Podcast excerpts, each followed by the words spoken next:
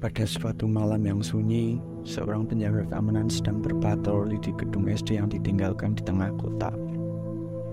Gedung itu sudah lama ditinggalkan dan dikenal sebagai tempat yang angker dan penuh dengan cerita misterius. Tiba-tiba, penjaga keamanan itu mendengar suara langkah kaki di lantai atas. Dia memeriksa area itu, tetapi tidak menemukan siapa pun. Namun, suara itu terus terdengar. Penjaga keamanan itu merasa tidak nyaman dan memutuskan untuk segera meninggalkan gedung. Ketika dia mencoba membuka pintu keluar, pintu itu terkunci dari luar. Dia panik dan mulai mencari jalan keluar. Tapi setiap pintu dan jendela yang dia coba selalu terkunci.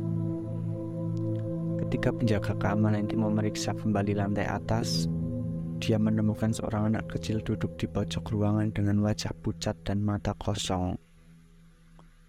Penjaga keamanan itu merasa ngeri, tetapi dia mencoba berbicara dengan anak itu. Namun, anak itu tidak merespon dan hanya duduk diam.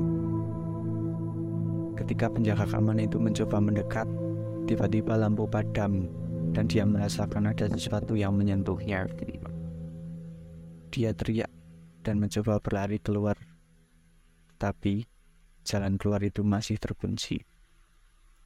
Seketika, pintu terbuka dengan sendirinya, dan penjaga keamanan itu bisa keluar.